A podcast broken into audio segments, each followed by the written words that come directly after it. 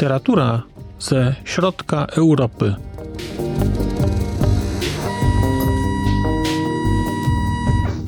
Podcast około książkowy.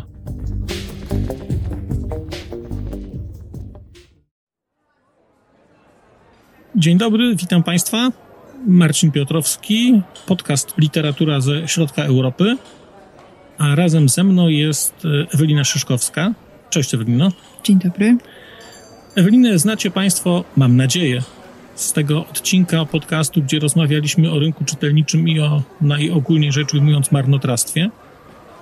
Warto powiedzieć, że tamten odcinek będzie miał ciąg dalszy, bo Ewelina razem z Sylwią przeprowadziły rodzaj takiej ankiety wśród księgarzy, dobrze mówię? Tak, przeprowadziłyśmy ankietę, ale też wcześniej zajmowałyśmy się badaniem księgarni stacjonarnych, niezależnie od siebie. Więc mamy w planach taki kolejny odcinek już o księgarniach stacjonarnych i o małych księgarniach, tylko czekamy aż y, Sylwia powróci z urlopu, żebyśmy mogli rozmawiać we trójkę. Natomiast dzisiaj spotkaliśmy się dlatego, że postanowiłem skorzystać z wiedzy i ekspertyzy Eweliny. No bo tak, pisarzem raczej nie będę, ale wydawcą mógłbym być. No i uświadomiłem sobie, że co było, gdybym miał pomysł na wydanie książki, i uświadomiłem sobie, że zupełnie nie wiem, jak coś takiego zrobić. No, załóżmy, że znalazłem książkę, która jest, e, nie wiem, na przykład na jakimś bliskim duchowo rynku zagranicznym, na przykład w Czechach albo na Słowacji. No i właśnie. I chciałem wydać tę książkę po polsku w Polsce, no i powiedzmy, że jestem jedyną osobą w Polsce, która wierzy w sukces tego przedsięwzięcia. To znaczy, że byłem u wydawców i wydawcy powiedzieli, panie Marycznie, bardzo interesujące. Obawiam się, że nikt tego nie kupi. A ja mówię, ależ to jest hit. Panie Gerwazy, to jest hit, to się po prostu sprzeda. No i właśnie, jestem przedsiębiorcą, e, nie, nie jestem przedsiębiorcą, jestem zwykłym człowiekiem, który chciałby otworzyć wydawnictwo i wydać książkę. Co w ogóle powinienem zrobić? Z czym się powinienem liczyć? No, pierwsza myśl, jaka przychodzi mi do głowy, to, że zrobiłeś już takie wstępne rozpoznanie na rynku. Yy, powiem szczerze, że jak usłyszałam, jak będzie temat e, dzisiejszej naszej rozmowy, to pomyślałam sobie, że na początek zaproponuję ci, żebyś z tym tytułem, który chcesz wydać, poszedł do wydawcy, który prawdopodobnie już istnieje. Ja jako szef redakcji dostawałam wiele takich propozycji, że coś warto, żeby było wydane w Polsce i powiem szczerze, bardzo uważnie czytałam te maile i wiele z tych książek żeśmy mm, jako wydawnictwo wydali. No ale rozumiem, że dostałeś negatywny feedback w tej historii. No, powiedzmy, to znaczy jest tak, że ku mojemu zaskoczeniu na przykład okazuje się, że książka, którą sądziłem, że nie będzie wydana, jednak będzie wydana, ale to nadal nie zmienia faktu, no bo że, że wydaje się mniej i niż by się chciało jako czytelnik. No i pytanie jest takie, tak, załóżmy, że, załóżmy, że dostałem negatywny feedback i rzeczywiście jestem jedyną osobą, która w to wierzy. Mhm. No, no to jest jakiś taki też kolejny sygnał ostrzegawczy, prawda? No bo z jakiegoś powodu te wydawnictwa, które, bo rozumiem, że poszedłeś do tych, które rzeczywiście wydają tego typu literatury, co jest bardzo ważne, no i one mają jakieś doświadczenia, jakieś rozeznanie rynku, jakieś zasoby w postaci działu marketingu czy sprzedaży, które mm, orientują się, jakie tytuły w jakiej skali się sprzedają. No i ich odmowa no, nie jest pewnie bez powodu. No i to jest taki pierwszy tutaj, powiedziałabym, dzwonek alarmowy, jeżeli chodzi o to przedsięwzięcie. Ale... Tylko ja bym powiedział, że zasadniczo całkowicie to rozumiem, Natomiast przenoszę trochę rozwiązania z rynku wydawniczego gier planszowych, gdzie okazało się, że jak grę się wydawało kiedyś przez wydawnictwa, przez wydawców, to rzeczywiście wychodziły tytuły takie bardzo, powiedziałbym, takie mainstreamowe. To były dobre gry, dobrze przygotowane. Natomiast kiedy się pojawił na przykład Kickstarter i jakieś takie crowdfundingowe możliwości finansowania, to zaczęło się pojawiać dużo gier, które normalnie nie miałyby w życiu szansy na to, żeby się pojawić na rynku, bo były za bardzo niszowe, a tam po prostu kupowały je osoby, nie wiem, kilkaset osób na świecie. To było wystarczające, żeby taką grę wydać, żeby ci ludzie mieli grę, którą chcą, a jednocześnie to było oczywiste, że gdyby ją wydać normalnym nakładem, to ona by po prostu się nie sprzedała, bo to nie są takie gry. Więc sądzę, że pytanie, czy w ogóle z książkami tak jest? O właśnie, poczekaj. No przecież ja mogę Ja mogę na crowdfundingu. Powiedzmy, że znajdę ludzi, którzy chcą kupić taką książkę. Zrobię sobie na zrzut.pl, czy gdzie tam mm, się takie coś robi, jakąś zbiórkę. No i powiedzmy, że będę miał szansę na pieniądze, albo chciałbym w ogóle zrobić sobie kalkulację, jak coś takiego wydać. No właśnie. No i, No i wracamy. Znów dotknąłeś kilku, kilku wątków. Pierwszy taki, że rzeczywiście mm, warto znaleźć swoją niszę. To znaczy, otwierając wydawnictwo, warto znać dokładnie, w którym miejscu rynku, w którym miejscu oferty chcesz się znaleźć. I no, nisze mają to do siebie, ym, że są, są małe i duże. Przychodzi mi w tej chwili do głowy wydawnictwo Tajfuny, które, mm, no, wiele osób by się zastanawiało, czy to w ogóle jest nisza.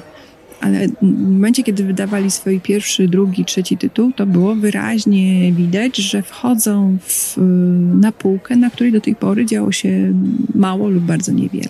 Ja przyznam, że w ogóle znając tajfuny, bo mam córkę, która jest miłośniczką, to ja nie śledzę za bardzo tajfunów, bo to nie jest w ogóle obszar jakby kulturowy, który jest mi bliski, ale jak byłem w ich księgarni w Krakowie, to jak zobaczyłem, ile tam jest tytułów przez nich wydanych, to byłem w szoku, bo ja to po prostu tak gdzieś mi śladowo niektóre wpadały, ale byłem, zobaczyłem, że to trochę jak czarne. Kiedyś było tak, że człowiek był w stanie czytać wszystkie książki, które wydają, a teraz nie jest w stanie tego w ciągu życia przeczytać w ogóle. No, wy, wy, wymieniliśmy dwóch, dwóch rozpoznawalnych wydawców, natomiast no, jak myślisz, ile jest w ogóle wydawnictw w Polsce? Hmm, no nie, obstałem, że kilka tysięcy pewnie. Według danych Biblioteki Narodowej w 2020 roku ISBN, czyli wolę wydania książki po to, żeby, i, i pobranie numeru ISBN po to, żeby identyfikowany był, była jako książka, czyli też miała odpowiedni VAT, było 30 tysięcy podmiotów. Trochę mniejsze liczby podaje GUS. GUS prowadzi na innej zasadzie identyfikację wydawców, bo po regonie, czyli po tym, co deklarujesz jako przedsiębiorca i tych takich przedsiębiorstw, które deklarują, że prowadzą działalność wydawniczą, jest 13 tysięcy. Gdybyśmy tutaj teraz we dwoje usiedli, wzięli kartki i mieli wypisać nazwy wydawnictw, no to ile byśmy uzbierali? No myślę, że jakbyśmy łącznie usiedli, to byśmy tak, myślę, że byśmy z głowy, no myślę, że kilkaset byśmy wyciągnęli. No. Kilkaset? No myślę, wow. my, my, myślę, myślę, że myślę, że no kilkaset, no nie wiem, bo powiedzmy, bo kilkaset każdy myśli 600, ale ja myślę, że kilkaset to myślę sobie 200 pewnie byśmy wypisali. Tak Mm, myślę, że z trudem może byśmy dobili do 200, choć mam, mam wątpliwości. Ja bym raczej obstawiała, że do 100 byśmy dojechali i naprawdę mieli już problem. I to jest taka kolejna rzecz, którą warto wiedzieć, kiedy decydujemy się na podjęcie tej działalności, że tak naprawdę dużych wydawców jest kilkudziesięciu, tych rozpoznawalnych jest niech będzie 200, a reszta, czyli jakieś 10, 12 tysięcy, no bo też ten regon, ta, ta kwalifikacja po no to dotyczy też wydawców nieaktywnych, no bo ktoś to zgłosił kiedyś i już nie jest aktywny.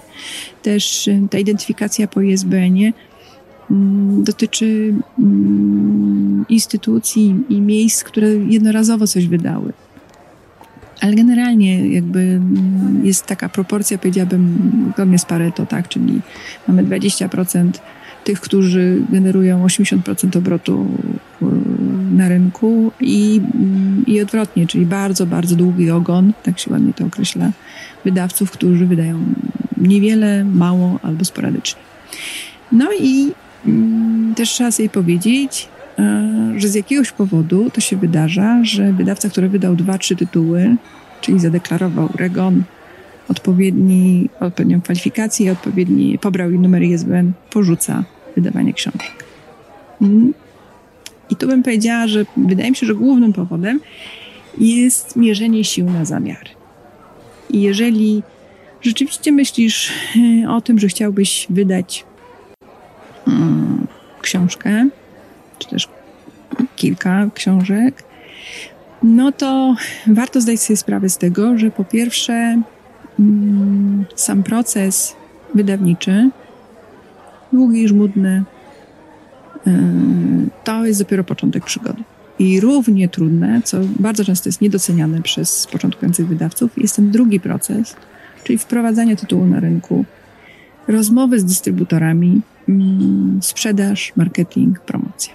Bo nagle się okazuje, że wydawnictwo, które wydało dwa tytuły, po prostu w, w tej skali tytułów, które ukazują się w Polsce, Bookscan, taki najbardziej chyba najszerszy panel, który zbiera dane o sprzedażach poszczególnych tytułów, monitoruje jakieś 50 milionów egzemplarzy rocznie. I oni mówią, że mają, widzą mniej więcej połowę rynku. Więc w tych milionach egzemplarzy nagle twój jeden tytuł z nikomu nieznanym logo, z nikomu nieznanym pewnie autorem, no bo mówisz o tłumaczeniu i to tłumaczeniu autora, którego inni wydawcy nie chcieli wydać, no trudno. Może być trudno. I chyba to jest taki pierwszy krok, jaki ja bym zaproponowała, to jest taka ocena w ogóle swoich zasobów. I przez zasoby rozumiem i finanse, ale również czas, który chcesz poświęcić na wydawanie i też przestrzeń. Ponieważ książki zajmują całe nakłady bardzo dużo miejsca. I no jest wiele historii takich opowiadanych w takim bardzo nostalgicznym tonie, jak to w kuchni na paczkach siedzieli e, wydawcy, jak zaczynali, ale prawda jest taka, że już przy drugim tytule musisz mieć magazyn albo z niego korzystać. I to jest pierwsza rzecz, to są te, ta ocena tych zasobów. Przez zasoby rozumiem też kontakty. Czyli czy w ogóle kontakty i kompetencje, czy masz w ogóle dostęp do ludzi, którzy są związani z um, tymi działaniami? I tu są bardzo różne rzeczy, bo z jednej strony tłumacz, redaktor, redaktor, który specjalizuje się w tłumaczeniu z danego języka, byłoby świetnie, ale też e, działania promocyjne, działania marketingowe, mm, też e, umiejętność mm, czytania i zawierania umów dla niektórych osób. Widok umowy jest takim, wiesz, takim doświadczeniem zaporowym, tak? Im, Im, więcej tam jest, y, szczególnie, że trzeba ją zawrzeć w języku obcym, najczęściej angielskim w tej chwili, wiadomo, no ale nadal podpisujesz umowę. Więc to jest jakby taki, taki pierwszy krok, czy mnie w ogóle na ten wysiłek organizacyjny, finansowy, psychiczny, no bo też to ryzyko, no bo wkładasz pieniądze w konkretne y, koszty, a hmm, znaczy wkładasz ryzyko, znaczy fu, ryzykujesz konkretne pieniądze, ryzykujesz też, że, że tego niewiele wyjdzie. Co jeśli na końcu się okaże, że rzeczywiście przetłumaczyłeś tę książkę i wydałeś tylko dla własnej satysfakcji? No ja głównie o czymś takim myślę, bo właśnie kiedy zaczęłaś mówić o tym, że te firmy padają czy wycofują się z tego rynku, z tego przedsięwzięcia wydawniczego po mniej więcej dwóch, trzech tytułach, tytułach, bo to może jest rzeczywiście tak, że dopóki wystarczyło powiedzmy zasobów finansowych i jakiejś woli, no bo jeżeli myślisz o tym jako o rzeczywiście sposobie na życie i na to, żeby z tego się utrzymywać, no to wtedy to jest, wydaje mi się, dużo większe ryzyko. Ja myślę tu o sytuacji takiej, w ogóle na przykład nie brałem pod uwagę, że mógłbym od razu myśleć o tym w kategorii źródła dochodu. Raczej myślałbym o tym w kategorii kolejnego kosztu, który ponoszę realizując jakąś misję, czy realizując jakieś hobby, no bo jak człowiek uprawia jakieś hobby, no to... No tak, ale myślę, że na zero warto by było wyjść jednak i trudno, yy, i trudno też zadrukowywać papier yy, tylko dla, dla takiej własnej idei. No rozmawialiśmy o tym ostatnio, tak. żeby tych książek książka, nie mielić. Tak, książka, która nie ma czytelników, de facto można, według niektórych nie jest książką, więc też nie o to chodzi, żebyś w swojej szafie miał stos yy, zadrukowanego papieru. I myślę sobie, że przypadku niszowych książek i szczególnie tych tłumaczonych z języków, no nie, nie, nie, z, nie z angielskiego, warto pomyśleć o różnego rodzaju współpracach. I tutaj znam co najmniej kilku wydawców, którzy specjalizują się w wydawaniu, wydawaniu prozy z książek, którzy specjalizują się w wydawaniu prozy tłumaczonej z tych języków, z których, mówiąc wprost, yy, można liczyć na dofinansowanie czy dotację, bo yy, program czy stypendiów, czy program e, właśnie dofinansowania promocji literatury narodowej jest prężny i można na takie, na takie dofinansowanie liczyć. Znaczy powiem szczerze, że jeżeli mówisz o tym, że w, na tych, tych kartach takich, nie wiem, jak to się nazywa, techniczna taka karta w książce, tam gdzie są te wszystkie informacje, kto tłumaczy. Redakcyjna. Karta redakcyjna.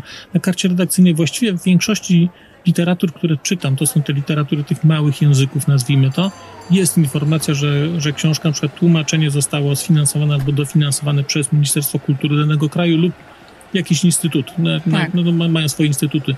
Tak, więc jestem świadom tego, że, że Więc to jest można. po pierwsze, więc takie rozeznanie też pomaga, właśnie mm, nawiązuje tutaj do tej kalkulacji, którą pomyślałeś sobie, że warto było zrobić.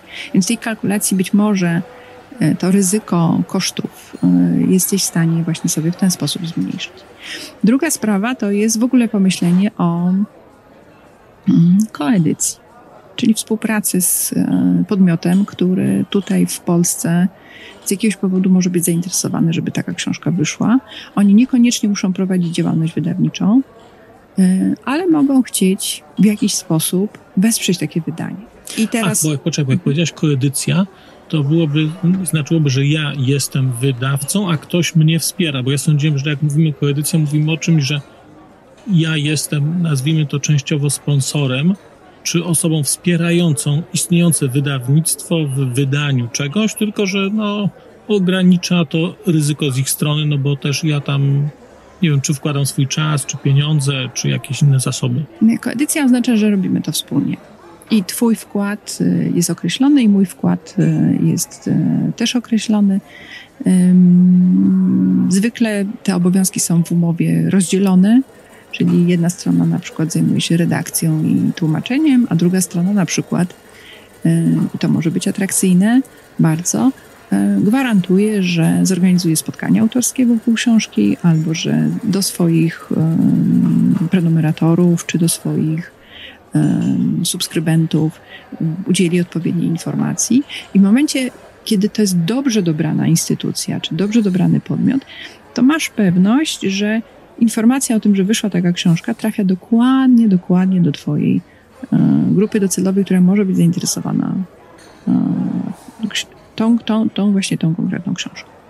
No dobrze, czyli to jest tak, że jest, rozumiem, jak mówiliśmy o tych małych wydawcach, a małych i średnich wydawcach, którzy tak naprawdę wydają te książki w sposób odpowiedzialny, czyli którzy są, oni są gdzie? Oni, nie, oni są w długim ogonie, czy oni są w tym środkowej części tego ogona?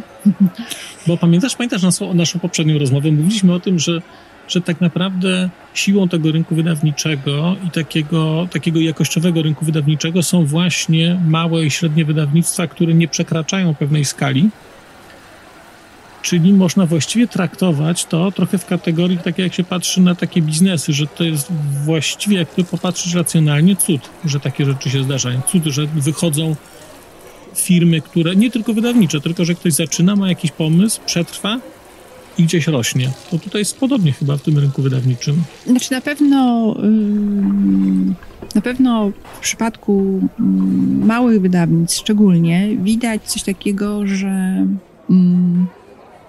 ileś rzeczy jest tam um, w rachunku ekonomicznym, a bazuje na pasji, zaangażowaniu, poświęceniu, czasie e, osób, które, o które to wydawnictwo albo założyły, albo prowadzą, albo pracują w nim. I oczywiście um, nikim tego nie broni, ale to ten koszt w postaci własnego czasu, własnych wakacji. Ostatnio ukazał się wpis szefowej e, chyba wydawnictwa Pauza, która napisała, że pojechała na wakacje, ale jako wydawca, wyda, który prowadzi wydawnictwo jednoosobowo, ona nigdy na wakacjach tak naprawdę nie jest. No i to, to jest oczywiście jej wybór. Natomiast wydaje się, że jakby tak bardzo szeroko patrząc, no to ja bym jednak chciała, żeby ona mogła pojechać na te wakacje. Czy w ogóle jest niesamowite, jak teraz e, ro rozmawiamy, jak to opowiadasz, bo mam zarejestrowany wywiad z Tomkiem Zarudem z Książkowych Klimatów. On jeszcze nie był, znaczy w momencie, kiedy ten wywiad pójdzie, nasza rozmowa pójdzie na antenę, to już tamten też się ukaże. ale to jest historia, którą opowiadasz, jest historią, którą Tomek mi opowiadał i którą słuchacze mogli wysłuchać, czyli tego, że właściwie jest to działalność poboczna, że właściwie jest, robi to sam, że właściwie ma inną rzecz, z której żyje, a to jest coś, co po prostu robi, bo kocha i chce. I że książek w książkowych klimatach okazuje się teraz mniej, bo właśnie w którymś momencie przerosła go skala tego wydawania w dużej liczbie i w końcu uznał, że będzie wydawał tylko tyle tytułów rocznie, ile jest w stanie wydać godnie, powiedzmy, sensownie, tak żeby też żyć jakoś. Bardzo, bardzo rozsądne podejście. Oczywiście decydując się na, na założenie wydawnictwa, no, bardzo często też y, przedsiębiorcy towarzyszy taka motywacja typowo biznesowa i też nie ma w tym y, absolutnie, znaczy jest to absolutnie zrozumiałe. Y, fajnie, fajnie, fajnie jest robić to, co się lubi.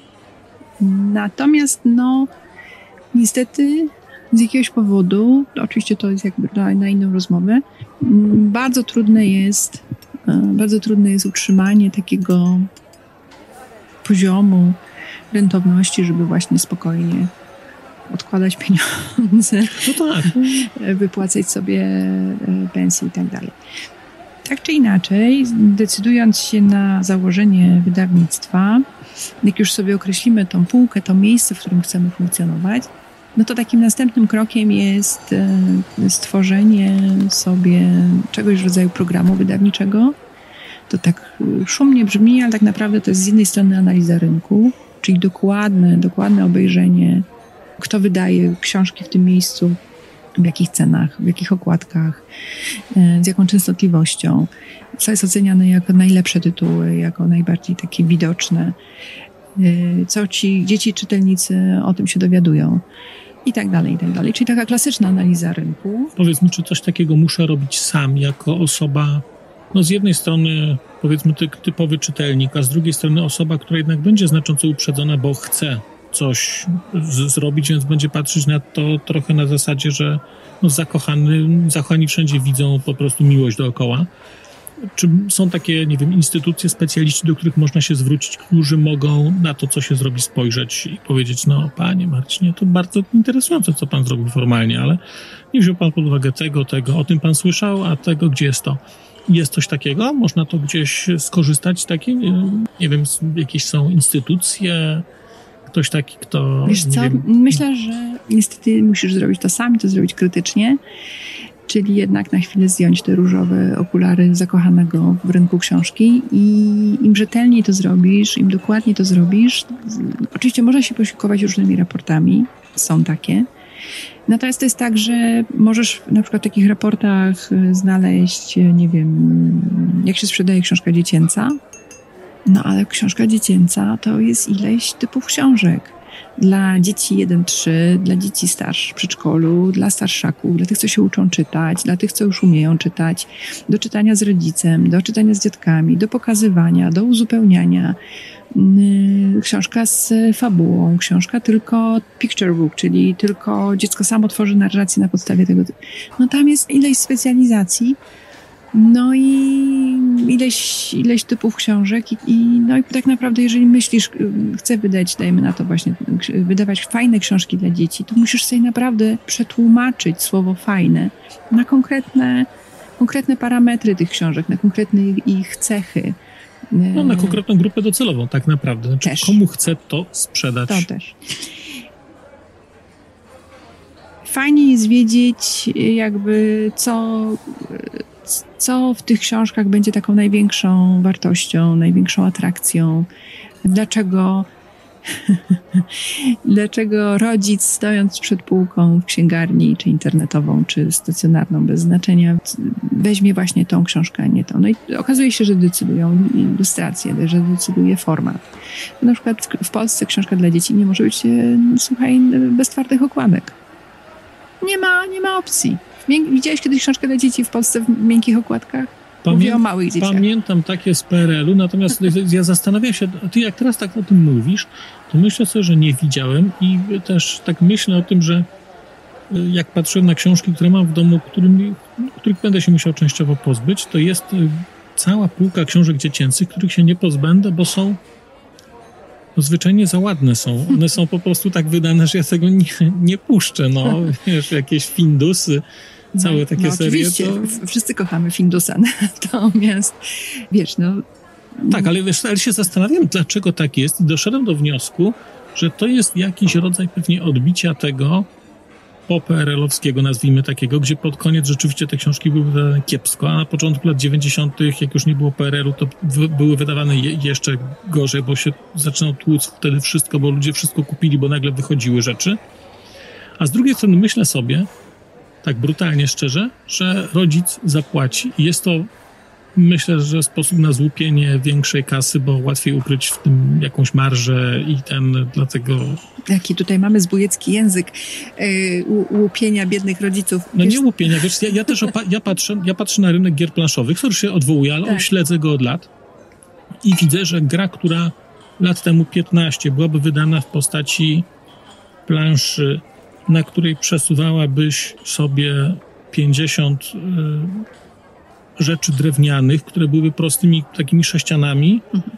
czy patyczkami, to w tej chwili do tego dostajesz furę plastiku. To są pięknie wyrzeźbione figurki, jakieś modele, statki. I potem się okazuje, że ceny gier wzrosły na przykład dwukrotnie w ciągu minionego czasu i właśnie za to, dokładnie za to płacisz. Mechanika gry jest taka sama.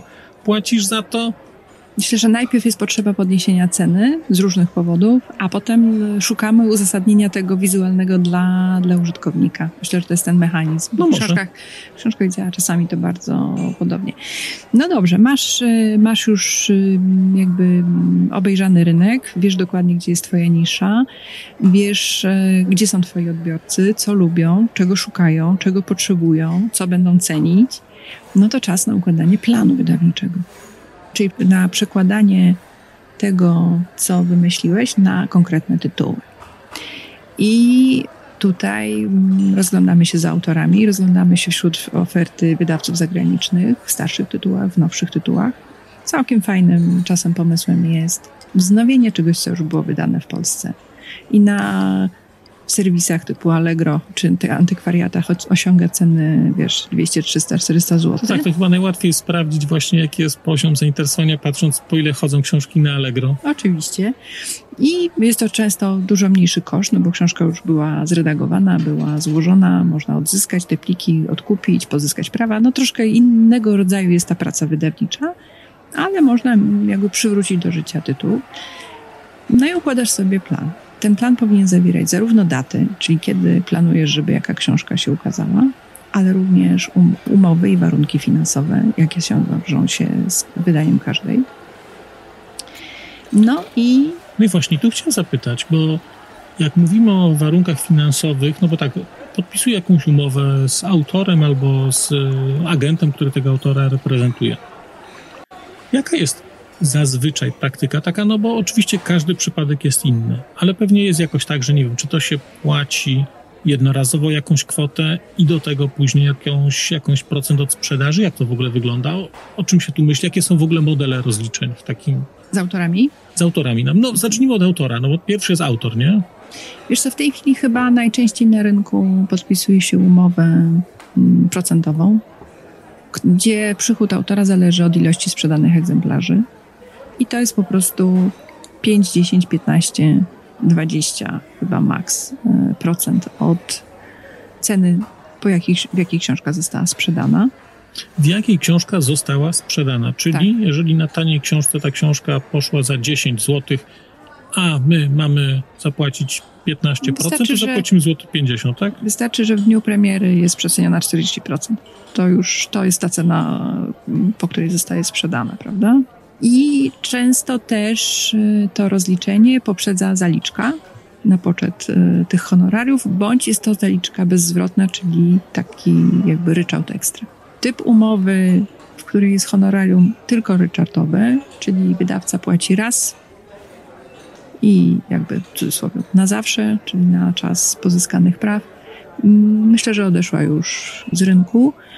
Trochę ta zaliczka ta przejęła tą jednorazową kwotę, Przy czym mówię, no albo jest to rozliczane później w, w ramach kolejnych e, wypłat, czyli odbierane jakby jest ta kwota, albo, albo jest to jednorazowa, bezzwrotna zaliczka, albo przy podpisaniu umowy, albo przy złożeniu tekstu. Bo też jako wydawcy, jako wydawcę chcę ci ostrzec, że lepiej jest płacić jak spłynie tekst i go zaakceptujesz, czyli zrobisz przyjęcie utworu, niż płacić z góry za coś, co nie jest napisane, zaliczką bezzwrotną, bo być może autor zniknie zawsze z nią. No tak, ale oczywiście to, to, to jest jasne, natomiast ja mówię, jeżeli mówisz o, jeżeli mówimy na przykład o wydaniu tłumaczenia, no to ten tekst już jest, więc mówimy raczej wtedy jest kwestia rozliczenia się z tłumaczem i, i wtedy zapłacenia tłumaczowi za jego pracę. Mhm. I tutaj też bardzo podobne są y, modele, chociaż tutaj wydaje mi się, że przeważa na rynku y, z kolei ryczałt, czyli płacimy tłumaczowi od tak zwanego arkusza wydawniczego, czyli od, od ilości przetłumaczonego tekstu określoną stawkę. Mm, umowy procentowe są rzadsze. No to podobnie rozumiem, pewnie będzie w następnym kroku, czyli wtedy, kiedy się będzie robiło redakcję i skład, no bo właśnie jak napisałem na przykład do, jak pomyślałem sobie, kto miałby składać moją książkę, no to miałem pierwsze w głowie wydawnictwo D2D. Jak napisałem sobie do znajomych z D2D, to powiedzieli tak, mamy takie, taką usługę, to tyle i tyle kosztuje podali mi pakiety różne z redakcją, skład, łamanie i tak dalej, i tak. I to jest, rozumiem, tam jest od, od arkusza wydawniczego. Od objętości. Od objętości. Co więcej, nawet mi za, dostałem informacji, które formaty są najbardziej preferowane w tej chwili przez rynek i na których e, się, jakby nie wiem jak to powiedzieć, są efektywne wydawniczo, tak można by powiedzieć. No, świetna informacja w duchu Zero Waste. W duchu Zero Waste, ale też myślę w duchu tego, że wiem jak czasami bo sam to oglądam, jak ludzie czasami narzekają, że książka jest w nietypowym formacie. Mhm. Mnie to cieszy, ale ludzie lubią mieć tego równo postawione na półce. Często, często graficy chcieliby, żeby był właśnie nie, nie, w jakiś sposób nietypowy, nietypowy format. No i następny krok to jest bardzo długi i żmudny proces. Z jednej strony przygotowywania książki, czy tłumaczenia, czy redagowania, czy składów, no tutaj dobrze jest mieć kogoś, kto, kto się na tym zna i na, na, na początku przynajmniej jest w stanie ci podpowiedzieć, zweryfikować. Ale wtedy szukam kogo? Wtedy szukam po prostu redaktora i są takie usługi, można na rynku kupić? Są usługi to, dla... To jest taka usługa, którą ty świadczysz na przykład, czy już nie? Czy już nie robisz tego typu rzeczy? Y, wiesz co, y, y, tak, jak najbardziej. Redaguję i, i prowadzę tytuły. Natomiast Powiem Ci, że wydaje mi się, że szczególnie do self-publisherów jest oferowana taka usługa. Czyli są nieduże, kilkuosobowe lub jednoosobowe działalności, gdzie szczególnie z, tego, z tych usług korzystają właśnie osoby, które od początku do końca chcą wydać swój własny tytuł, jed, tylko dla siebie to robią i tam można znaleźć takie, znaleźć takie oferty. Czyli ktoś, mówiąc kolokwialnie, sprawdzi, czy to jest napisane po polsku, a jednocześnie jest też, ma wrażliwość taką i zwróci uwagę autorowi, że być może to można byłoby na przykład napisać trochę inaczej, a w tym miejscu jest dłużyzna, a to czy to na pewno tak? Mówimy o tym, czy mówimy o takim czysto technicznym spojrzeniu, czy o takim też trochę wpłynięciu na to? Bo przez długi czas patrzyłem na redakcję jak na czystą techniczną rzecz, natomiast ostatnio czytając książkę Petera Balko Wyspa O, tam jest opisana jak ojciec bohatera pracował jako redaktor i uwagi, które przekazywał, znacząco wychodziły poza y, kontekst techniczny techniczno-językowy. No to było takie, nie wiem jak to powiedzieć, prowadzenie książki czy zadawanie niewygodnych pytań na temat y, narracji bohatera, logiki i tak dalej. No świetnie, że o tym mówisz, bo to jest y, bardzo często mylone i to są zupełnie dwie różne rzeczy. Jedną rzeczą jest redakcja, nazwijmy to, czy literacka, czy merytoryczna, kierowana literacka do fikcji, a merytoryczna do książek popularno-naukowych na przykład, gdzie właśnie rolą redaktora jest nie tylko sprawdzenie, czy jest to napisane po polsku, jak to określiłeś, ale również właśnie dyskusja z autorem, wskazanie słabych miejsc, wskazanie dłużyzn, przemeblowanie czasem tekstu, Powiem szczerze, ja to najbardziej lubię robić. Potrafię przemeblować cały rozdział i później autor mówi, tak, tak, właśnie to o to mi chodziło. Czyli jesteś takim trochę współautorem tej książki, takim nie, cichym. Nie, nie, nie. Nigdy, nigdy żaden sąd nie przyznał autorstwa redaktorowi. Nie, nie, ja nie mówię, ja nie mówię, e, ja nie mówię o literze prawa, tylko trochę o tym, e, no nie wiem, asystujesz bardzo mocno przy tym. No to jest trochę tak, że ta książka bez ciebie, czy bez osoby w tej, w tej roli wyglądałaby zupełnie inaczej. Wiesz co, no ale y, przełóż sobie to na jakiś inny przykład, na przykład trener ty trenujesz, a ja jestem twoim trenerem. Nie, to ja to I znam. To, to, są to... twoje mięśnie, twoje osiągnięcia. Ja to znam z życia, no bo ja Ty zdobywasz medal. Żyję z tego, no tylko w innych, w innych obszarach to robię, no. więc... A, a ty asystujesz, trenujesz, zadajesz pytania jako redaktor, recenzent do, do, do książek, wskazujesz jakieś luki, błędy logiczne i tak dalej. Oczywiście, najczęściej w momencie, kiedy się mówi redaktor, większość osób ma na myśli redakcję językową, czyli taką typową sprawdzenie stylistyki, ortografii, jakichś takich rzeczy związane z płynnością tekstu, z jego komunikatywnością. No to jest troszkę co innego. Bardzo często te kompetencje łączą się u redaktorów, ale czasami wyraźnie widać, że jest potrzebna ta redakcja merytoryczna, nazwijmy to, a czasami właśnie wybitnie potrzebna jest językowa. Później tekst powinien być przygotowany dla składu. I kiedyś zajmowali się tym redaktorzy techniczni. I to jest to, co myślę, trochę ty miałeś na myśli, czyli że no, trzeba popatrzeć na rzędy tytułów, na to, czy książka ma być w ten sposób złamana, czy w ten sposób. Oczywiście potem jest projekt graficzny i często wydawcy korzystają z szablonów, ale myślę, że studio, z którego chcesz skorzystać, absolutnie nie korzysta z szablonu. Myślę, że studio, z którego korzystam, chciałbym skorzystać, bardzo jasno powiedziało mi, że rekomendowaliby mi na początku skorzystanie z szablonów i cennik ujmuje, e, ta cena pokazuje, że to jest w jakimś szablonie. Jeżeli projekt byłby bardzo nietypowy, mhm. to wtedy byłoby to wyceniane nieco inaczej. Natomiast wydaje mi się, że też w szablonach nie ma nic złego, bo też jak patrzę na to od takiej strony czysto typograficzne, interesując się typografią, to jednak eksperymenty formalne są, są fajne czasami, a na, naprawdę nie wszystko musi być wydawane w sposób awangardowy, no, powiedziałbym. Świetnie, więc wybierasz szablon dla, swojego, dla swoich e, publikacji. E, czasem taki szablon jest opracowywany dla pierwszego tytułu w serii, a później już ta seria ma swój projekt typograficzny po prostu.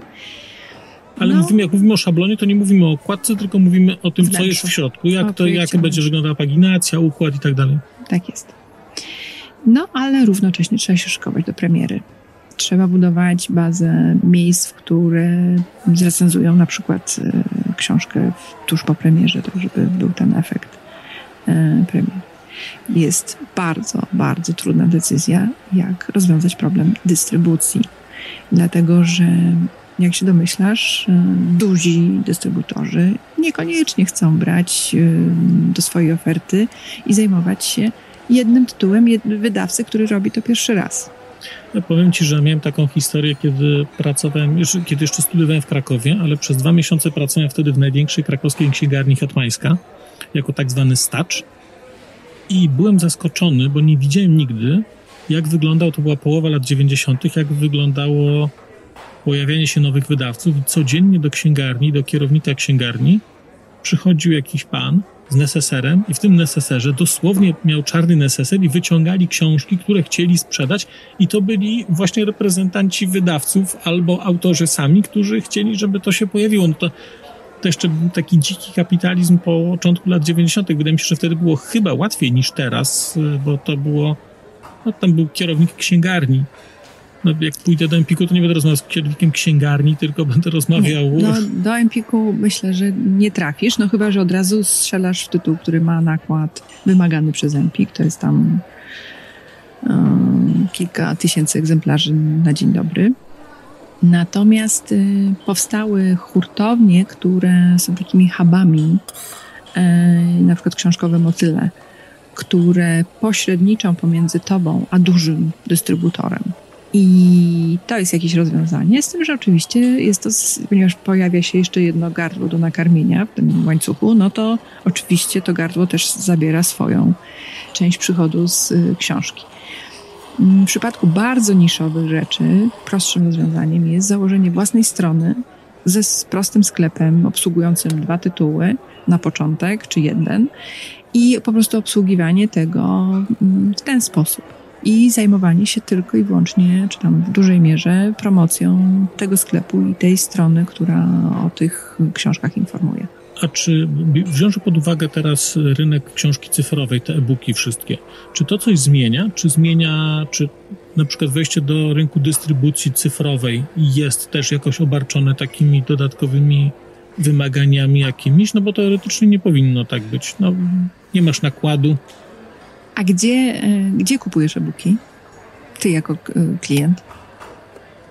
Hmm. U wydawcy czy w księgarniach internetowych, tam gdzie papier? Nie, w, nie no, ja kupuję w księgarniach internetowych albo u wydawców. Staram się kupować u wydawców, jak tylko mogę. Mhm. No więc jakby rynek generalnie działa w ten sposób, że książka elektroniczna, mimo że nie wymaga magazynu, ani nie wymaga, znaczy tradycyjnego magazynu, ani nie wymaga przewożenia z miejsca na miejsce i tak dalej, i tak dalej, ani do druku, to nadal jakby miejsce docelowe, gdzie jest sprzedawane, jest to samo w większości co papier, czyli jest to księgarnia internetowa, gdzie trafia czytelnik, który powiedzmy wkłada do koszyka dwie książki papierowe i dwie książki elektroniczne. Z jakiegoś powodu te chce mieć w tym formacie, te chce mieć w tym formacie, albo nie ma wyboru i po prostu książka jest tylko dostępna w jednym albo drugim. Oczywiście, że fajną opcją jest kupowanie ze strony mm, wydawnictwa, ale też są osoby, które chcą zamówić jedną paczkę. Do jednego to, paczkomatu. To jest jasne, to jest oczywiste. Znaczy to, to jest... I ponieść ten wydatek raz w miesiącu i inną rzeczą też są, w przypadku książki elektronicznej są takie zakupy bardzo spontaniczne. Czyli wyjechałam w delegację na konferencję. Ta konferencja jest strasznie nudna, więc sobie wchodzę na wiesz, do internetu, kupuję, płacę i za chwilę czytam fajną książkę po południu, zamiast siedzieć na kolejnym nudnym wykładzie. Rozmarzyłem się, że w ogóle można tak jeszcze w ogóle nawet w marzeniach odpłynąć w takie kategorie, ale to ciekawe jest, no. Na pewno książka elektroniczna sprzyja spontanicznym zakupom. A to znaczy wierzę, no bo w, we wszystkich zakupach internetowych najgorszy jest moment oczekiwania i, no, no, no i czekanie. Jestem czasami tak zaskoczony, jak szybko są te zakupy w tej chwili realizowane. Czasami to jest rzeczywiście na drugi dzień. Mhm. No ale w, z książką elektroniczną one są od, ra, od razu. Tak, no, więc... tak. Y, więc jakby tutaj y, warto rozważyć format elektroniczny, jeżeli tylko książka mm, będzie się dobrze zachowywać będzie funkcjonalna w tym formacie, to absolutnie warto to zrobić. Warto zrobić konwersję na, do e-booka. Warto też oczywiście jak najbardziej planować wszystkie działania związane z marketingiem, promocją, promocją sprzedaży. Warto szukać ambasadorów swoich książek, czyli osób, które będą o tych książkach mówić, będą je pokazywać. Nie jest to wcale proste. Chyba, że rzeczywiście w Twojej niszy, i tu wracamy do początku rozmowy, jeżeli oni wszyscy powiedzieli nie, to słabo. Ale być może warto zapytać kogoś jeszcze, kto siedzi w tej tematyce, czy by taka książka wychodzi i co on na to. Wiesz, to znaczy, zależy też jeszcze, dlaczego ktoś ci powiedział nie, bo ja też wielokrotnie się w swojej praktyce biznesowej, takiej zwyczajnej, zawodowej spotykałem z tym, że coś nie było realizowane nie dlatego, że było złe, tylko że zamiast tego było realizowane coś, co jest bardziej dochodowe, co nie znaczy, mhm. że to było niedochodowe, co chciało się zrobić, tylko po prostu firma chciała zarobić więcej, wybrała coś innego. Tak sobie o tym myślę, że no jak patrzę, nawet jak rozmawiam właśnie z Tomkiem Zardem, to była bardzo, bardzo inspirująca rozmowa, jak tam się jak on wybiera. Mówi tak, swoje pierwsze kryterium, patrz po nagrodach. Znaczy, jeżeli książka dostaje nagrody literackie w danym kraju, w ogóle nominacje, to to już bardzo, jak, jak wiesz, jeszcze znasz trochę te nagrody, to już od razu mniej więcej ci redukuje jakiś, jakieś ryzyko. To oczywiście będzie zawsze, ale ktoś już, uśmiechasz się? Uśmiecham się, bo e, ostatnio znów się powołam, śledzę profil pauzy i znów się powołam na, na, na wpis o tym, jak jakaś książka dostała mm, nagrodę w Stanach i właśnie szefowa wydawnictwa Pauza napisała mam do niej prawa jeszcze i mam je, kupiłam je jeszcze zanim dostała nagrodę. No to wiesz, z czasem dochodzisz pewnie do tego, że kupujesz właśnie autora, albo domyślasz się czegoś, albo po prostu kupujesz, bo to jest dobra książka i dlatego dostaje nagrodę. No. Tak, więc myślę, że to jest coś, co możemy dopisać do listy kompetencji. Czytanie w danym języku, którego chcemy tłumaczyć, i umiejętność generalnie oceniania wartości książek lub ich no, takich walorów użytkowych, no bo niekoniecznie każdy chce wydawać beletrystykę czy literaturę piękną. No i później jeszcze jest taki etap, o którym bardzo, bardzo dużo nawet profesjonalnych wydawców zapomina, czyli w momencie, kiedy już książka jest w sprzedaży, trzeba zarządzać prawami i tym kontentem. I co mam na myśli? Mam na myśli dbanie o to, żeby książka była mm, płynnie dodrukowywana, a nie, że zapomnieliśmy o, dodruku i musieli nam czytelnicy przypomnieć, czy księgarze. No to jest niesamowite, przyznam, bo sądziłem, że minęły te czasy, kiedy książek nie ma. Ku mojemu zaskoczeniu okazuje się, że dokładnie tak jest, bo jak ja ostatnio usiłowałem kupić e, Szwejka w tłumaczeniu Krocha z Biblioteki Narodowej tego wydania, to go po prostu nigdzie nie ma. I to jest dla mnie niepojęte. I to jest właśnie zaniedbany czwarty etap. To są również przedruki, czyli i sprzedaż praw. To dotyczy oczywiście głównie własnych e, polskich autorów, tak? czyli książek, gdzie właśnie można spróbować zarobić jeszcze na odsprzedaży praw. No ale jeżeli zainwestowaliśmy czas, pieniądze i mnóstwo pracy w to, żeby powstała dobra polska książka, to czemu nie spróbować jej sprzedać do tłumaczenia? To są właśnie przedruki, czyli tu można łączyć często funkcję promocyjną z zarobkową, bo fajnie jest, jak e, fragment e, książki ukaże się w e, czasopiśmie, czy nawet w portalu internetowym. A jak mówisz o tych aspektach prawnych, to to jest tak, że są jakieś kancelarie, które specjalizują się w tego typu umowach, no bo rozumiem, że to nie jest umowa o dzieło, którą sobie znajdę w internecie, tylko taka umowa to jest pewnie specyficzna umowa i to jest co? Są jakieś kancelarie, które zajmują się prawami autorskimi na przykład? Są jak najbardziej specjaliści prawa autorskiego, natomiast y, większość wydawców wypracowuje sobie swój szablon, czy też adaptuje powszechnie dostępny aż szablon do, do swoich y, potrzeb albo konsultuje jednorazowo i korzysta z niego kolejny raz. Nie, nie, to ja to rozumiem, tylko właśnie pytanie jest takie, z kim skonsultować, no bo rozumiem, że pewnie będę zawierał umowę, no to no to to jest pytanie, wtedy jak byłbym początkującym takim, rzeczywiście zaczynał, to pewnie agent reprezentujący danego autora może mieć, może mi przysłać umowę, nie? W Polsce bardzo rzadko autorzy korzystają z agencji. Nie ma też tych agencji wiele. To jest ciekawe, bo Julia Różewicz opowiada, że w Czechach wygląda to zupełnie inaczej. Właściwie wszyscy ci autorzy są właściwie obsługiwani przez agencję. No i ma to sens, dlatego że wtedy ten rynek się dużo bardziej profesjonalizuje. Autorzy są zajęci tym, co powinni, czyli pisaniem. Umowy są w jakiś sposób wystandaryzowane też ta Wszyscy robią profesjonalnie, znaczy zawodowcy robią rzeczy, do których e, są stworzeni, czyli autor pisze, a prawnik przygotowuje umowę, a nie odwrotnie na tak, przykład. a agent zajmuje się kontaktowaniem i e, dopinaniem terminów i, i propozycji. Tak, potrzebujesz też księgowej, jeżeli już jesteśmy przy tego typu rzeczach, czyli nie tylko będzie potrzebny prawnik czy konsultacja z prawnikiem, ale również księgowa, no bo w przypadku self-publishingu często się uznaje, znaczy mówi się, że mały nakład tylko do własnego użytku nie wymaga założenia działalności gospodarczej. No ale my mówimy tutaj już o sprzedaży, dystrybucji i tak dalej, więc potrzebujesz założyć działalność gospodarczą, więc potrzebujesz mieć księgową, nawet jeżeli to będzie taka usługa mm, nie, nie, nie będziesz zatrudniać, ale będziesz korzystać po prostu z usługi. A to jest w trakcie procesu wydawniczego nie wiem jak to określić, dużo jest faktur. No bo to jest trochę tak, że kwota to jest jedno, ale są takie biznesy, gdzie czasami, ja wiem, że czasami ma się cztery faktury miesięcznie, a czasami y, ma się faktur na przykład, nie wiem, 400, bo jest bardzo dużo drobnych rzeczy, za które się płaci. Taki no. proces wydawniczy to jest bardzo dużo drobnych rzeczy, czy to, czy to jest raczej kilka? Raczej dużo drobnych rzeczy na nieduże kwoty powiedzmy, że chcesz wydać ten pierwszy tytuł, trzeba zawrzeć umowę bądź, i zapłacić, czy wystawić fakturę e, redaktorom, być może dwóm, e, korektorowi, studio, być może zdecydujesz się na indeks, być może projekt okładki, e, zakup ilustracji do okładki, osobna faktura bardzo często. Czasem grafik to organizuje, czasem wydawnictwo różnie.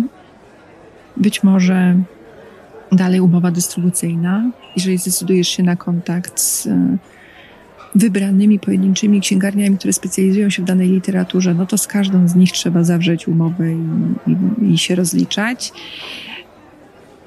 Rozliczyć się trzeba po sprzedaży raz na pół roku i wystawić PIT autorowi. Im więcej masz autorów, im więcej książek, tym tu jest więcej. No trochę tego jest, rzeczywiście. Tak. Tak. No i co teraz? Mm, co teraz jeszcze? No potem jeszcze tylko faktura za eleganckie stroje, jak już dostajesz wszystkie nagrody, nie? tak, tak. No życzę ci, życzę ci, żebyś odbierał w eleganckim stroju nagrodę w ogóle za, Elegancki strój to jest coś, o czym marzę w ogóle.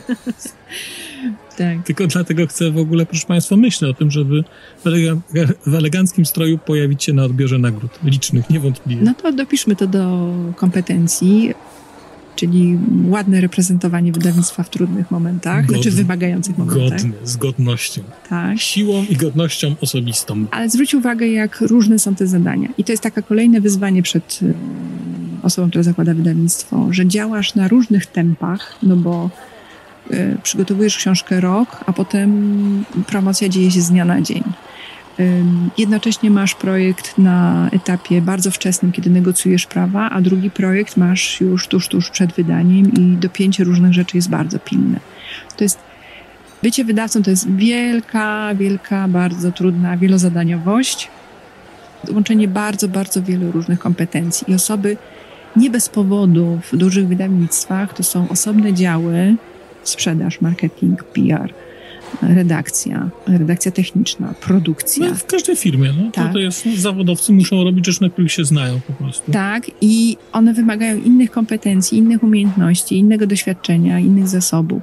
I nagle to wszystko chcesz, Marcin, mieć wiesz, na sobie w swojej głowie.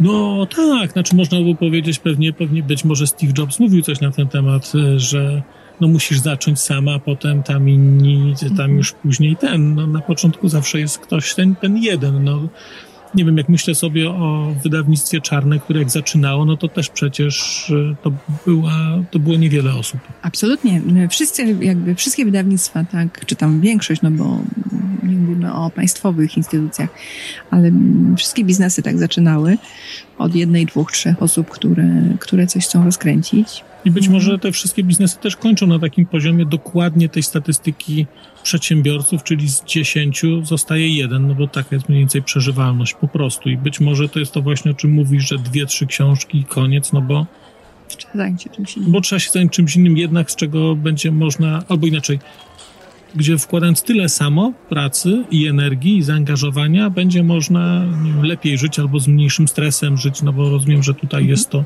Natomiast, żeby powiedzieć o, o plusach, no to rzeczywiście wydawaniu książek towarzyszy wielka satysfakcja. No, potrafię sobie wyobrazić. jest to wielka przyjemność, wielka satysfakcja, kiedy naprawdę, można powiedzieć, niemalże z niczego bo bardzo dużo książek zaczyna się od po prostu pomysłu, od jakiegoś skojarzenia, od jakiegoś dużych słów nie chcę używać, ale olśnienia.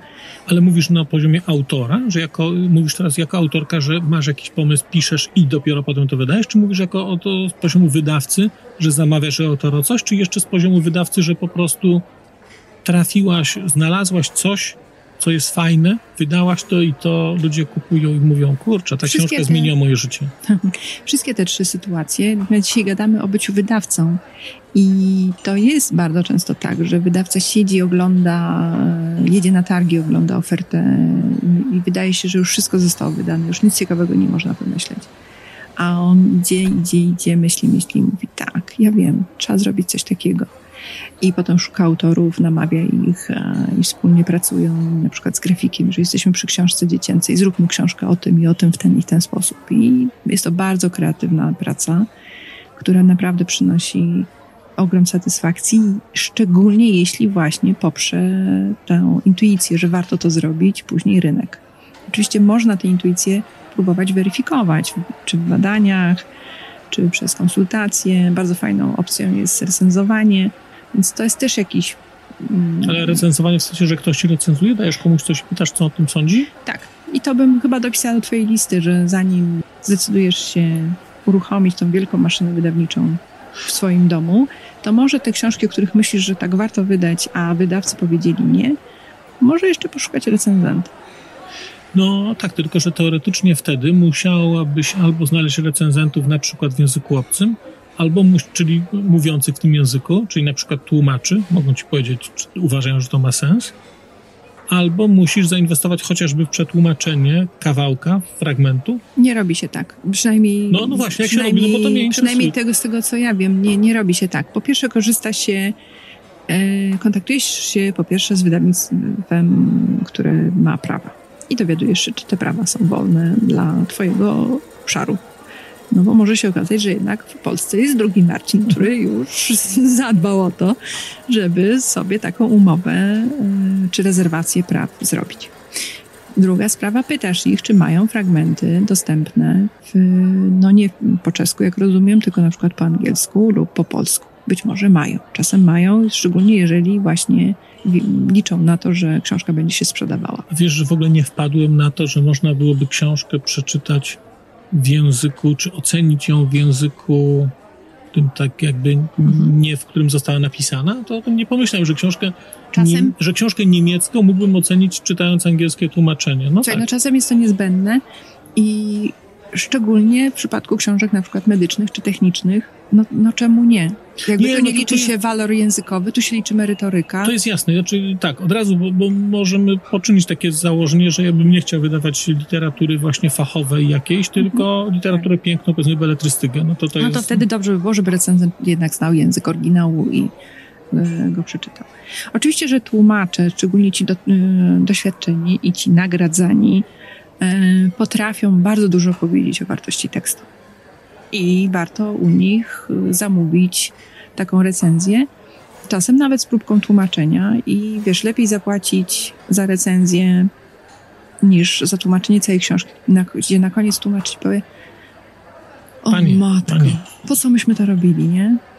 No więc właśnie, jest też jakąś opcją szukanie po prostu osób dwujęzycznych, które z jakiegoś powodu, z którego, których zdanie cenisz i wsłuchanie się w to.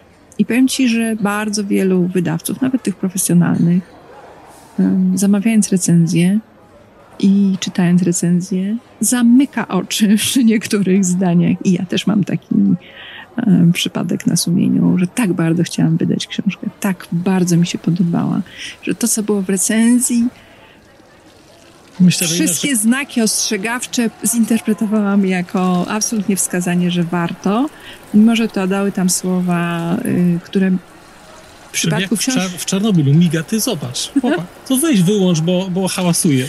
No, tam. To się sprzeda, to jest w ogóle hit, to będzie dobrze. I, I naprawdę mm, czasem ta namiętność wydawcy go zaślepia i to trzeba z tym pracować, absolutnie. No i też czasami możesz po prostu zwyczajnie nie wiadomo dlaczego, no bo to jest... E, to jest na przykład Jiří Hajczek, który, te, te, książki są świetne, są na przykład w Czechach nagradzane. W Polsce z tego co wiem od Tomka sprzedawał się bardzo kiepsko i on mhm. przestał go wydawać po prostu. No bo, no bo z jakiegoś powodu te książki tu się nie sprzedają i chyba to jest właśnie taka tajemnica na końcu, jest jakieś takie coś, że taki rodzaj takiej magii, no po prostu nie wiesz, po prostu nie wiesz. Czasem dla niektórych książek jest za wcześnie, e, czasem niektóre książki e, nie trafiają w klimat, ukazują się w złym momencie, trudno jakby słychać o tym, że niektóre premiery ze względu na wojnę na, w Ukrainie zostały wstrzymane i jest to zrozumiałe. No to niesamowita jest historia w ogóle z tą książką Wracz y, Martina Ryszawego, która była napisana 10 lat temu i która była przygotowana o Rosji i ukazała się no, w takim momencie, że właściwie ludzie mówią Rosja nie dziękuję, a to w ogóle nie ma nic wspólnego. Co więc książka tłumaczy to, coś tam dzieje, ale nadal rzeczywiście ale... jest tak, Rosja, no hello, naprawdę? No więc y, o tym mówię. Więc nie ten moment za wcześnie, nie, nie taka rzeczywistość wokół. I dlaczego książki się nie sprzedają? Też często są zaniedbane promocyjnie, to znaczy za mało się wydarzyło. Inna rzecz, że bardzo trudno jakby powszechnie dystrybuować, y, dystrybuować y, informacje o książce. To, co jeszcze przyszło mi do głowy, co, do tego, co powiedziałeś, to jedną z takich form, które, pracy, które myślę, że warto polecić początkującemu wydawcy, to jest właśnie takie podejście z jednej strony konsekwentne, czyli trzymam się swojej niszy, trzymam się swoich odbiorców, buduję sobie bazę odbiorców, trzymam się swojej grupy, tu jestem jakby mm, przy tym, nie skaczę, wiesz, od, lasa do sasa, wydaję raz to, raz śmo, raz poezję, raz książkę dla dzieci, raz... Nie, nie wyobrażam sobie w ogóle, żeby można było sensownie założyć wydawnictwo robiąc w ten sposób. To... to odpada, a z drugiej strony każdą książkę analizuję i w jakiś sposób przy każdej książce coś testuję, coś próbuję sprawdzić, coś próbuję się nauczyć daję na przykład cenę 10 zł wyższą i patrzę, że być może już poprzednie powinny być 10 zł droższe. Testuję dystrybutora, testuję osoby, które promuję. W jakiś sposób bardzo analitycznie, krytycznie i naprawdę na chłodno oceniam to, co mi wyszło i co mi nie wyszło i dlaczego, dlaczego mi nie wyszło. No bo to, o czym mówisz teraz, to jest klasyka w przypadku produktów cyfrowych. No, książka ma no, tę, no, ten, to jest specyfika książki że do tego, żeby ona się ukazała, no to ona po prostu musi wyjść fizycznie. To jest bardzo długi proces. No i nie ma tej możliwości na bieżąco takiego rzeczywiście testowania i, zmien- i zmiany. No to tylko pewnie w jakichś wybranych aspektach, więc wtedy trzeba sobie bardzo jasno wtedy powiedzieć, co w danej książce zmienimy, no bo jak już pójdzie na maszyny, to potem tego się w, w tej książce nie zmieni. No możesz, możesz przecenić i tak dalej, ale ale samo pozycjonowanie, decyzje, takie strategiczne ułożenie tego w planie wydawniczym, no to to już są rzeczy, które mhm. raz się tylko robi. Jeżeli mówimy jeszcze o przecenianiu, no to warto nie przeceniać swojej publiczności. Jest taka tendencja, że mm, u początkujących wydawców też, żeby jeżeli, jeżeli e, nie wiem, 500 osób w Polsce uczy się bardzo rzadkiego języka, no to na pewno te 500 osób kupi podręcznik do nauki tego języka wcale tak niekoniecznie musi być. Przyjmuje się, że to jest 10%. Czy 10% czego? Tej grupy docelowej ustalonej tak bardzo precyzyjnie. A, w ten sposób. Tak, ale rzeczywiście zdarza się, że grupa jest kar karniejsza, czyli kupi trochę więcej, ale z kolei w przypadku bardzo dużych grup, typu rodzice małych dzieci, to, to nie działa. To jest za zbyt, e, zbyt szeroko zakrojona grupa docelowa. 10% jest jakimś punktem wyjścia do szacowania w ogóle potencjału, ale też pamiętajmy, że te 10% podejmuje określone decyzje w danym momencie. Czyli ma miesiąc, w którym musiały wszystkie dzieci iść do dentysty i no nie ma opcji, że kupimy nową książkę, bo ten miesiąc po prostu finansowo jest bardzo trudny i tyle. Więc tutaj często na papierze panuje przy kalkulowaniu tytułów taki nadmierny optymizm. A czy ty się w ogóle orientujesz, w jaki sposób książki są kupowane do bibliotek? Kto decyduje na przykład o tym? To decyduje o tym dyrektor konkretnej biblioteki, który w oparciu o to, co nie wiem, mówią mu mówią mu wypożyczający. Zwykle, zwykle jest tak, że filie słuchają się głównej biblioteki, czyli jakaś na przykład wojewódzka biblioteka gdzieś tam w Krakowie siedziba oddział w Nowym Sączu i wtedy ta centralna pewnie sądecka, która coś kupi, no to lokalne biblioteki też będą kupować? Mm, myślę, że ten poziom decyzyjności jest trochę niżej. O filiach mówię już w naprawdę małych miejscowościach. Myślę, że na poziomie miast powiatowych jest y, ta pełna decyzyjność. Decydują o tym głównie dyrektorzy bibliotek bądź pracownicy, którzy są odpowiedzialni za zakupy.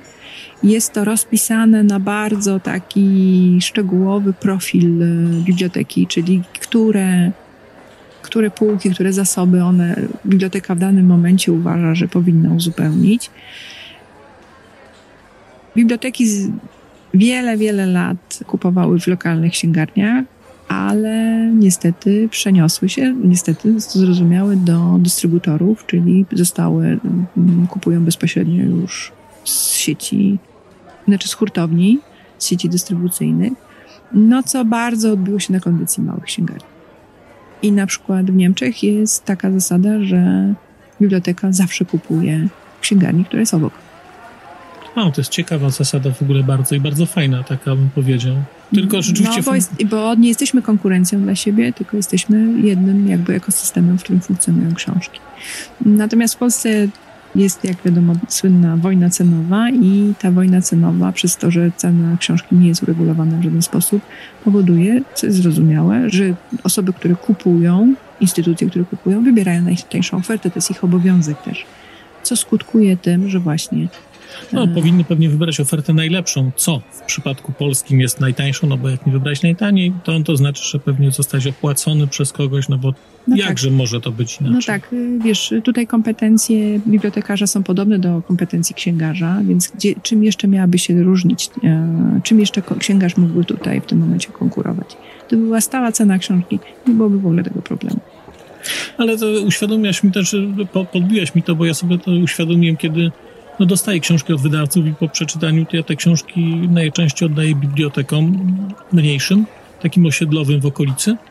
E, no i nawet któregoś razu napisałem to do, do wydawcy i potem sobie myślę, kurczę, przecież zasadniczo, teoretycznie przez to, że ja oddałem, no to być może ta biblioteka nie kupiła e, tej książki.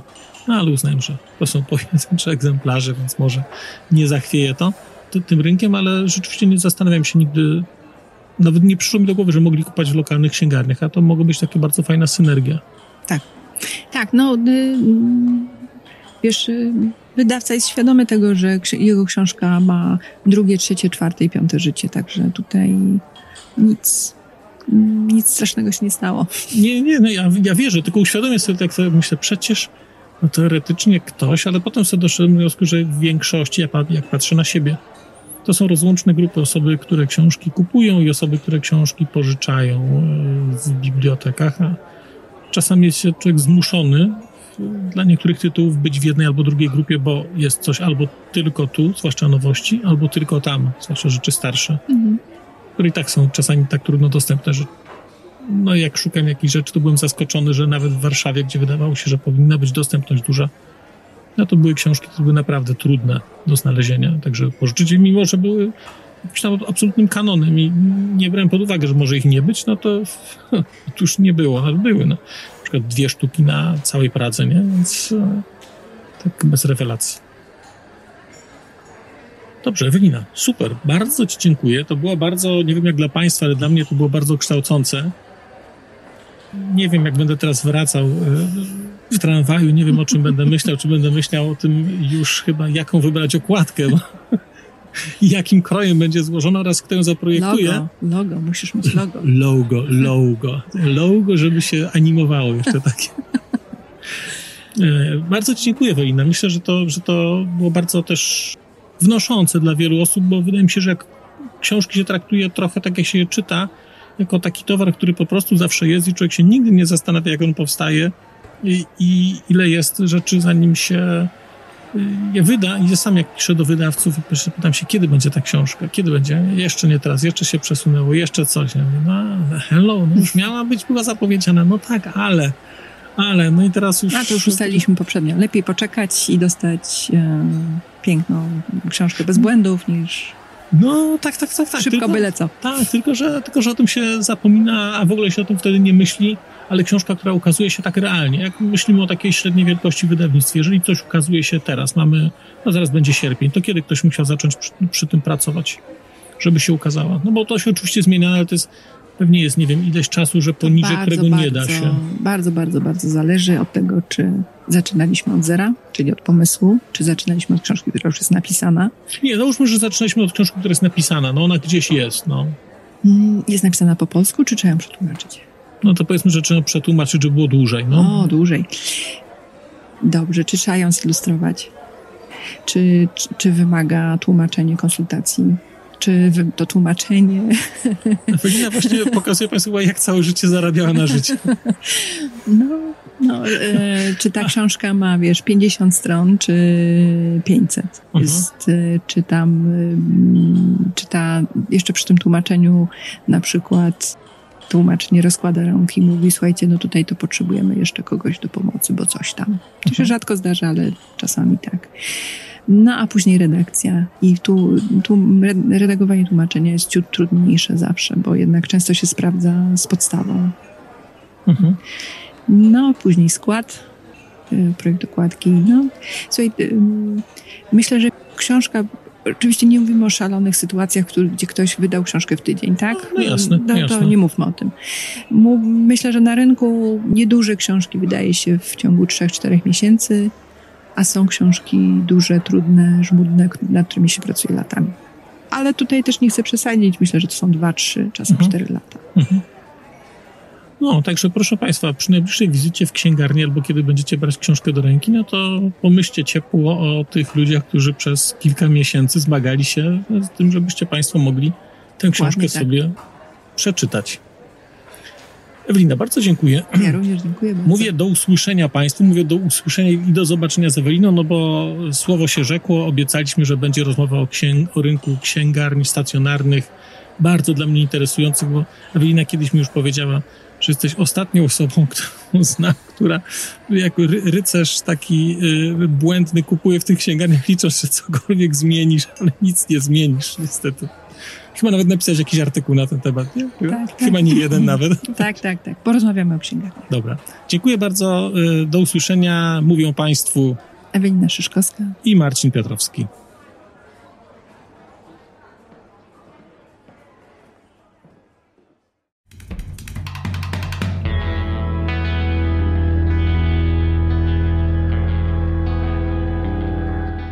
Bardzo dziękuję Państwu za wysłuchanie tego odcinka, bo skoro jesteście w tym momencie, to znaczy, że wysłuchaliście go do samego końca.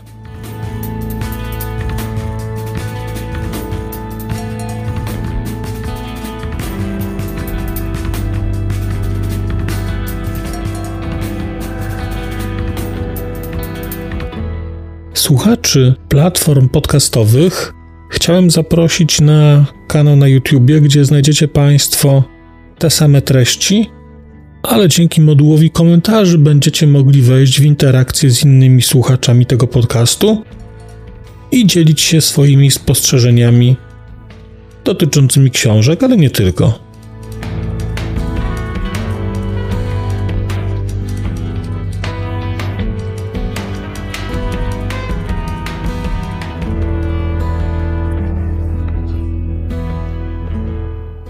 Oprawa muzyczna tego odcinka została zrealizowana na bazie muzyki słowackiego zespołu Longital.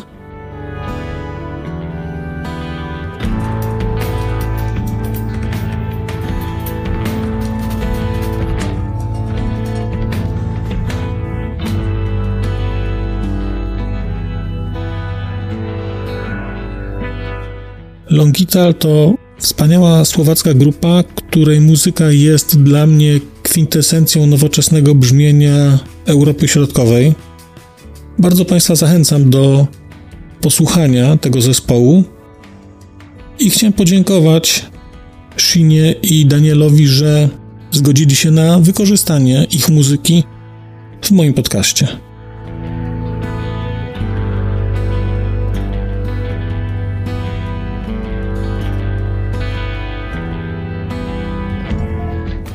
Shino a Daniel, děkujeme vám velmi pekne, že jste nám umožnili použít vašu hudbu.